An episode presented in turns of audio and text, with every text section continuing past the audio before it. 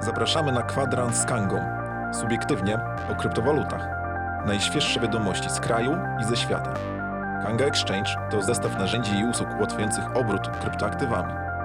Ten podcast pozwoli Ci dowiedzieć się, co aktualnie dzieje się na rynku. Witam bardzo serdecznie. E, Z tej strony Sławek Zawadzki i Łukasz Żeligowski. To jest kwadrans z Kangą, odcinek numer dwa. E, A dzisiaj jest 21 lipca 2020 roku. Imieniny obchodzą Wiktor i Daniel. W Gdańsku dzień słoneczny, lekkie, lekkie zachmurzenie. I mamy w tej chwili blok, uwaga, 640123. E, Łukasz. e, Ale byliś- blok na Bitcoinie. tak, bo wszyscy wiedzą e, na, na, na, na czym. E, Łukasz, mieliśmy ostatnio bardzo ciekawe wydarzenie na Twitterze. Twitter się posypał i wydarzyło się dużo smutnych rzeczy. Dziwne, co prawda ciekawe komunikaty pojawiły się na profilach znanych celebrytów i giełd kryptowalutowych. Co takiego się wydarzyło? No, y, to była ciekawa akcja, bo e, przyjęto konta e, Twittera e, bardzo wielu, bardzo e, popularnych kont, e, czyli takich, które miały po miliony, miliony aktywnych obserwujących. No i to były te konta, które, e, wszystkie konta były oznaczone, zweryfikowane, najbardziej pewne, w ogóle super konta, bezpieczne. Nie? No i co takiego się tam pojawiło? No, e, w- komunikat e, taki skamerski, e, że jeżeli wpłacisz bitcoina, to dostaniesz dwa bitcoiny z powrotem. Czyli klasyczna, e, klasyczna zabawa w daj mi troszeczkę, to ja ci oddam więcej. E, Nie powiem dlaczego to zrobię, ale jestem taki dobry, więc to zrobię.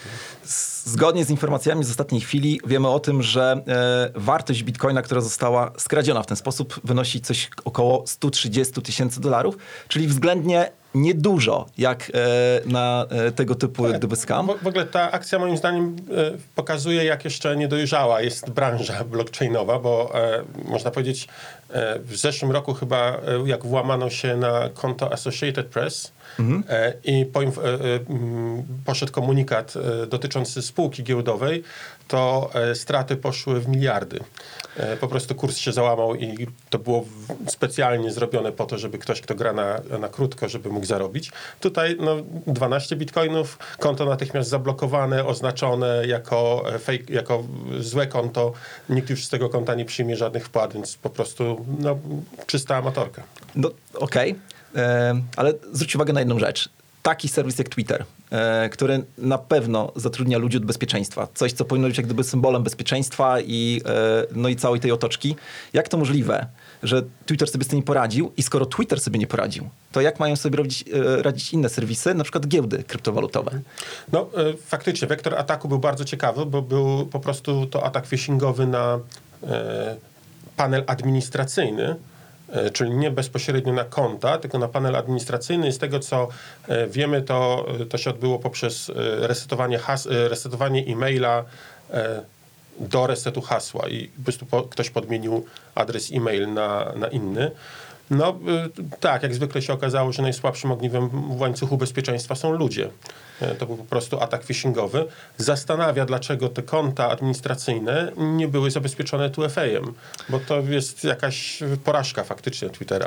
No właśnie, skoro mowa o atakach, no to e, wiemy o tym, też daliśmy taki komunikat, że Kanga e, była atakowana ostatni raz w poprzednim tygodniu, dokładnie w tym samym czasie, kiedy pojawiły się te dziwne komunikaty na Twitterze.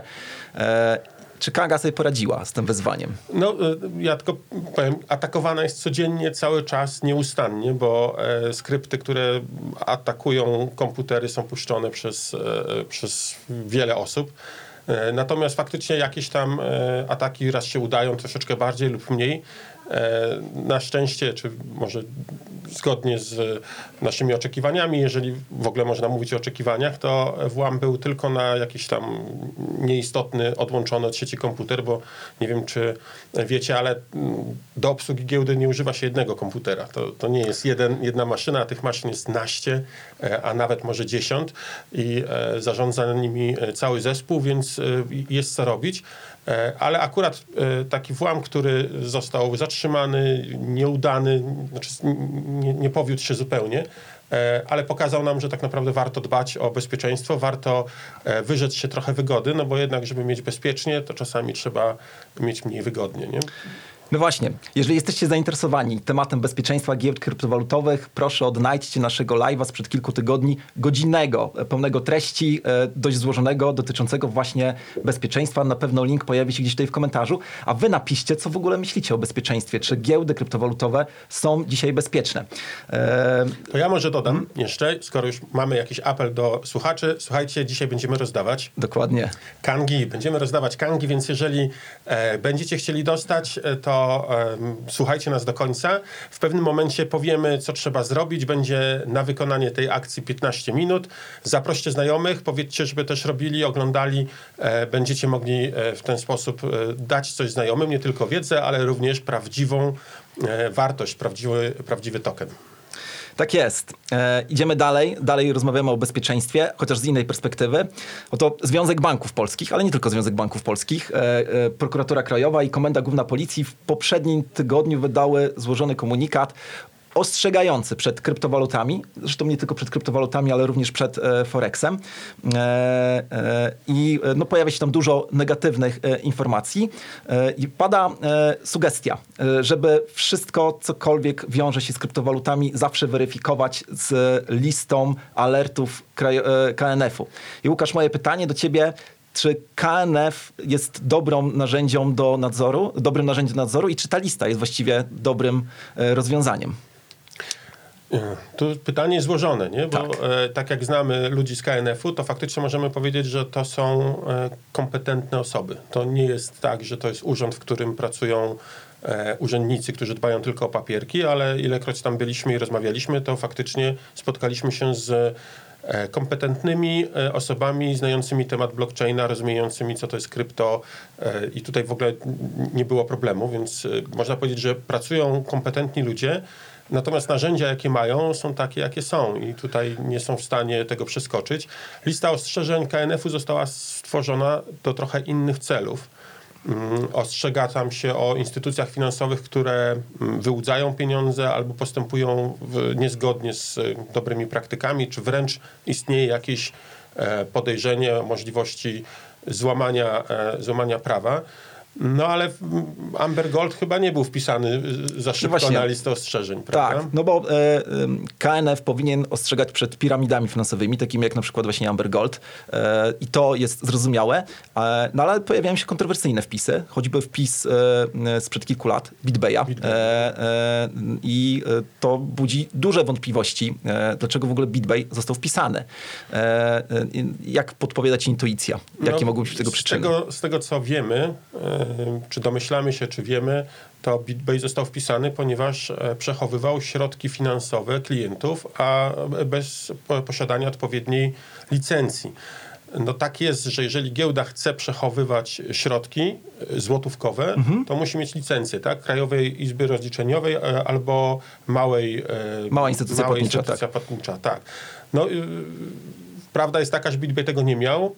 Niektóre giełdy, które działają w Polsce mają status małej instytucji płatniczej, ale to jest y, troszeczkę strzał w kolano, bo tam mowa jest o tym, że łączny depozyt y, dla y, jednej osoby, nieważne na ilu kontach, sumaryczny, to jest jakiś tam śmiesznie, śmiesznie niski, a obrót, jaki tam jest dopuszczalny, też jest no, co najmniej 100 razy za mały, więc no, jest to takie troszeczkę strzelanie sobie, strzelanie sobie w kolano.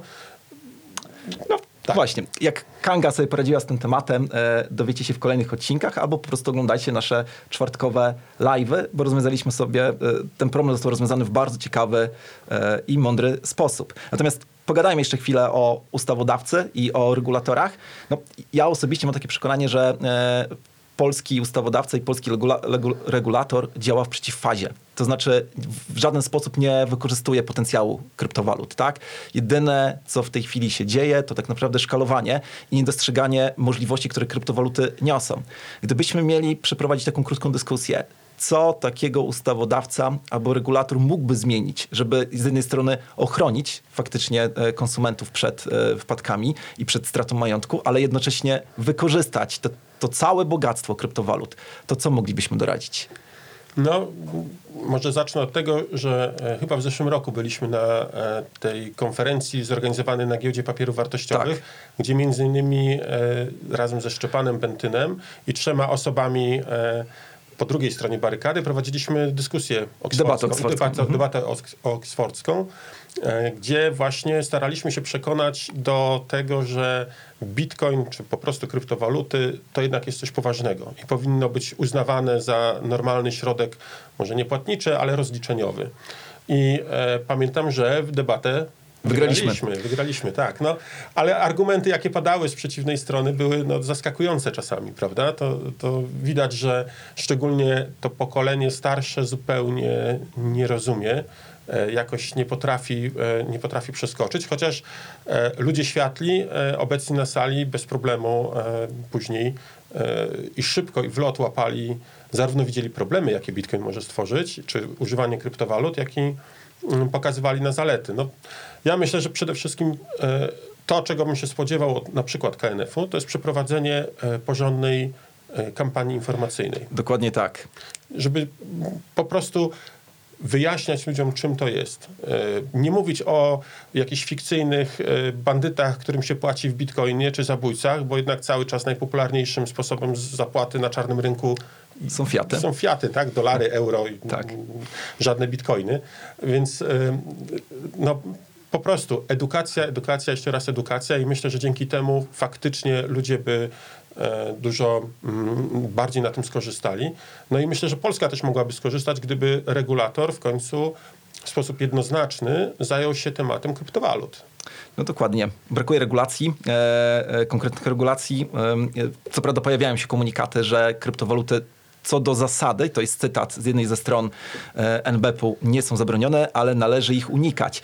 E, ja, dodam e, tyle, że odwiedziłem dzisiaj rano taką stronę uważaj na kryptowaluty.pl. To jest strona właśnie wydana przez, czy prowadzona przez Narodowy Bank Polski, bodajże, tak mi się wydaje. I tam padają tylko neutralne albo negatywne informacje na temat kryptowalut. Zachęcam do tego, żeby pojawiały się również pozytywne i żeby pojawił się w końcu jakiś e, e, publiczny, niekryptowalutowe, źródło, które wyjaśnia, jak kryptowaluto, e, kryptowaluty działają. Także drogi NBP, KNF-ie, zachęcamy. Wiecie, do kogo dzwonić e, w, tej- w tej Jesteśmy sprawie. gotowi do tego, żeby pomóc. Tak jest. A słuchaj, co myślisz, co, co ty byś e, oczekiwał, co byś chciał, żeby było zrobione? E, Ja, ja przede wszystkim liczę na to, że e, w końcu e, pojawi się dyskusja na łonie parlamentu dotycząca e, kryptowalut i że pojawią się ustawy, które będą kryptowaluty i obieg kryptowalutowy e, regulowały. Liczę na to, że Polska mamy potencjał, mamy potencjał intelektualny i techniczny do tego, żeby być naprawdę w czołówce krajów kryptowalutowych i blockchainowych, wiemy o tym, więc liczę na to, że tak się stanie. Chciałbym zobaczyć regulacje dotyczące na przykład STO, regulacje doty- dotyczące tokenizacji e, i to pr- prędzej niż, e, niż później. No i to, co powiedziałem wcześniej, chciałbym, żeby regulator, instytucje państwowe edukowały, ale pozytywnie na temat kryptowalut. Nigdy nie widziałam żadnego pozytywnego komunikatu e, ze strony NBP albo KNF-u na temat kryptowalut, co nie znaczy, że nie ma. Może go nie dostrzegłem. E, Jeżeli znajdziecie, to dajcie w komentarzu link do tego pozytywnego komentarzu. Bardzo chętnie zapoznamy się z nim. Dokładnie, dokładnie tak. I na koniec, e, zanim ogłosimy, e, jak rozdajemy e, kangi, e, a propos kang, mechanizm POS-u, Proof of Stake na giełdzie, mechanizm, który został zaimplementowany już jakiś czas temu, pojawia, pojawiają się opinie, pojawiają się komunikaty również od naszych użytkowników. Łukasz, na czym to polega? Generalnie można powiedzieć, że od początku października zeszłego roku jest możliwość stejkowania KANG, czyli można zamrozić swoje tokeny KNG i od tej pory codziennie biorą one udział w podziale nagrody. Nagroda jest e, brana z sumy wszystkich opłat, jakie są pobierane przez Kangę. I to nie tylko opłat transakcyjnych, ale wszystkich. Czyli jeżeli ktoś korzysta z kantoru, jeżeli ktoś korzysta z bramki płatności, jeżeli jakiekolwiek przypływy się pojawiają w, do Kangi, jakieś opłaty, to one wpadają do, e, na tą pulę nagród i potem jest dzielone pomiędzy tych wszystkich, którzy stejkują e, tokeny KNG. Codziennie jest przyznawana nagroda. Ważne jeszcze raz powiem, codziennie. Każdego dnia można troszeczkę, e, troszeczkę zarobić. E, Jak działają kangi, e, jaka jest zwią- związana z tym infrastruktura, to również było wyjaśnione na naszych live'ach i również będzie omawiane na kolejnych kwadransach z kangą. A teraz na koniec, każda osoba, która napisze w komentarzu na Facebooku, na YouTubie albo gdziekolwiek indziej jesteśmy, że jest obecna, i zrobi to w ciągu najbliższych 15 minut, dostanie jedną kangę. Wystarczy, że e, napiszesz do nas na support małpa Kanga Exchange albo skontaktujesz się poprzez Messengera e, e, i wyślesz nam screenshota właśnie swojego kom- e, komentarza. Sprezentujemy ci jedną kangę. Ja tylko dodam, że na naszym e, kanale telegramowym Tak. e, polskojęzycznym Kanga Exchange e, dyskusje, link będzie na pewno na dole pod filmem, pojawił się pojawiła się jedna analiza naszego posu zrobiona przez użytkownika. Zachęcam do przeczytania. Zgodnie z wyliczeniami tej osoby efektywna, efektywne oprocentowanie roczne tak zamrożonych kang wynosi 115%. Także opłaca się. Tak, ale to nie jest porada inwestycyjna. W żadnym wypadku. A Wam dziękujemy bardzo mocno. Zapraszamy za tydzień, 9.30 wtorek na trzeci odcinek kwadransu z Kangą. Do zobaczenia. Do zobaczenia. Dziękujemy za wysłuchanie tej audycji. Za tydzień kolejne gorące tematy. Zostaw nam recenzję w swojej aplikacji z podcastami. Włącz subskrypcję Kwadransa z Kangą, aby nie przegapić nowego odcinka. Do usłyszenia.